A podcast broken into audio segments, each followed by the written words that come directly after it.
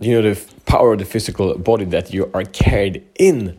So uh, today we're going to talk about something that's so often overseen, except you know for the runs we can do and the lifts we can weight and the kids we can carry or something like that. So we're gonna tap into the awareness of the body, and this might sound super strange, strange, but we're gonna bring it down to something really, really practical, and you will be able to use this tool to uh, get much more more power and influence in your life in all areas. So welcome to Shut the Fuck Up podcast. My name is Matt Fyrön and this show is for men that are ready to free themselves from the prison of playing small and unleash their personal greatness. So we do this by mastering the four areas that creates a purposeful life, and that is purpose, passion, power, and profit. So most men in these days live their life in their mind, in their head, and uh, you might think like, what do you mean? Yeah, but it's the thinking, it's the the thought, it's the identity of the thought. And some man once said, uh, you know, something like, "We we think, therefore I am. I think, therefore I am," and this is not the whole truth. so we have the physical, mental, emotional, spiritual uh, experiences, and the mental is like overtaking, and and that is the way we communicate with each other. But the issue here is that it's very limited. We, we can have our thoughts and we can have our logic and we can have our science, and these are all really powerful and all to be honored. But there is a wisdom far greater than that. So if we look into the evolution of humanity, evolution of men, we have been around for quite some time. But and the mind has for sure also been around for quite some time. But for example, the the, the voice, the speaking, uh, the, our ability to to shape words has been around for like ten thousand years. And and you know science in its current form has been around for some what is it three four hundred years something like that, and and and we've been around as a species for about two hundred thousand years, and and the major uh, biological change happened uh, about 50,000 years ago. So our, our mental capacity for language, being able to formulate ourselves in the way we do now, has been around for 10,000 years only. And, and, and, you know, math and these kind of things have been abstract for most of our, most of our existence as a race. So what does it mean? Okay, it means that we've been living, we've been evolving in other other spaces. So then you can say, but but this is the highest evolved form of our communication, of our experience of life. And yeah, yeah, yeah, it's it's partly true, but it's also some say intuitive some parts of us that we cannot explain that has made us survive in a beautiful way for hundreds of thousands of years.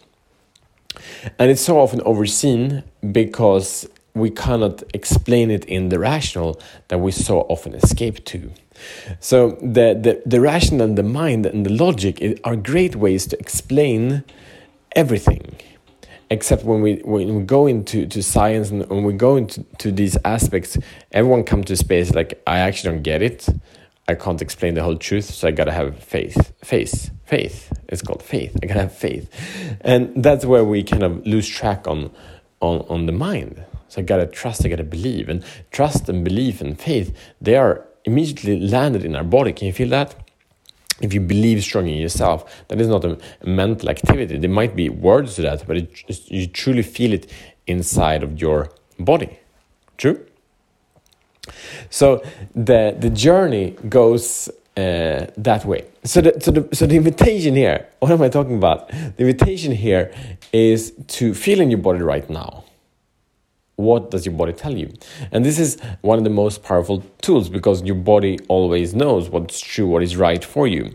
So the the mind has the biggest part the subconscious uh, part uh, and communication and, and, scans huge amount of information every every second.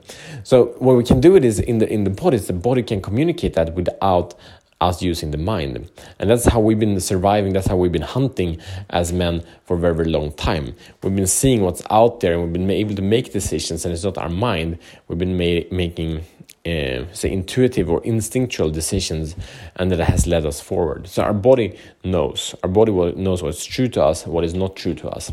And we are trained to say it's like mind over matter and it's very very powerful and it's important to train that ability. However if we rule by that rule alone we will slaughter ourselves for most of our ability. So this is not. Uh, I'm not telling you to to let your emotions run your life. I think it's very important to to use your emotions, but that is also the part we gotta listen in because our body speaks to our emotions. The tensions in your body, they say they have all a message. So, and I'm sure you have some tension. Maybe it's from muscle ache, but there are probably some emotional tensions as well. So it's really beautiful. To dive into these places and listen and ask yourself, what is my body trying to tell me? What is the meaning of this communication from my body? You don't always need to have the answer, right? But you can listen and your body will start speaking to you because it always knows. It has always known for these hundreds of thousands of years.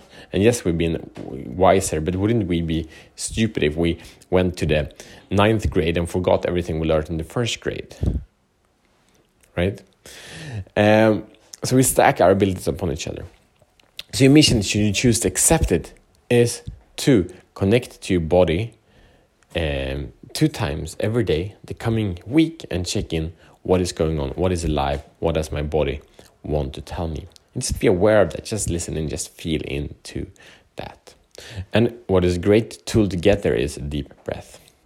And please share this this episode if there is a man that is identified with his ma- mind and have some mental struggles as a result of that. Please share this episode so that he can free himself from the mental slavery. That is it, and see you tomorrow as better men.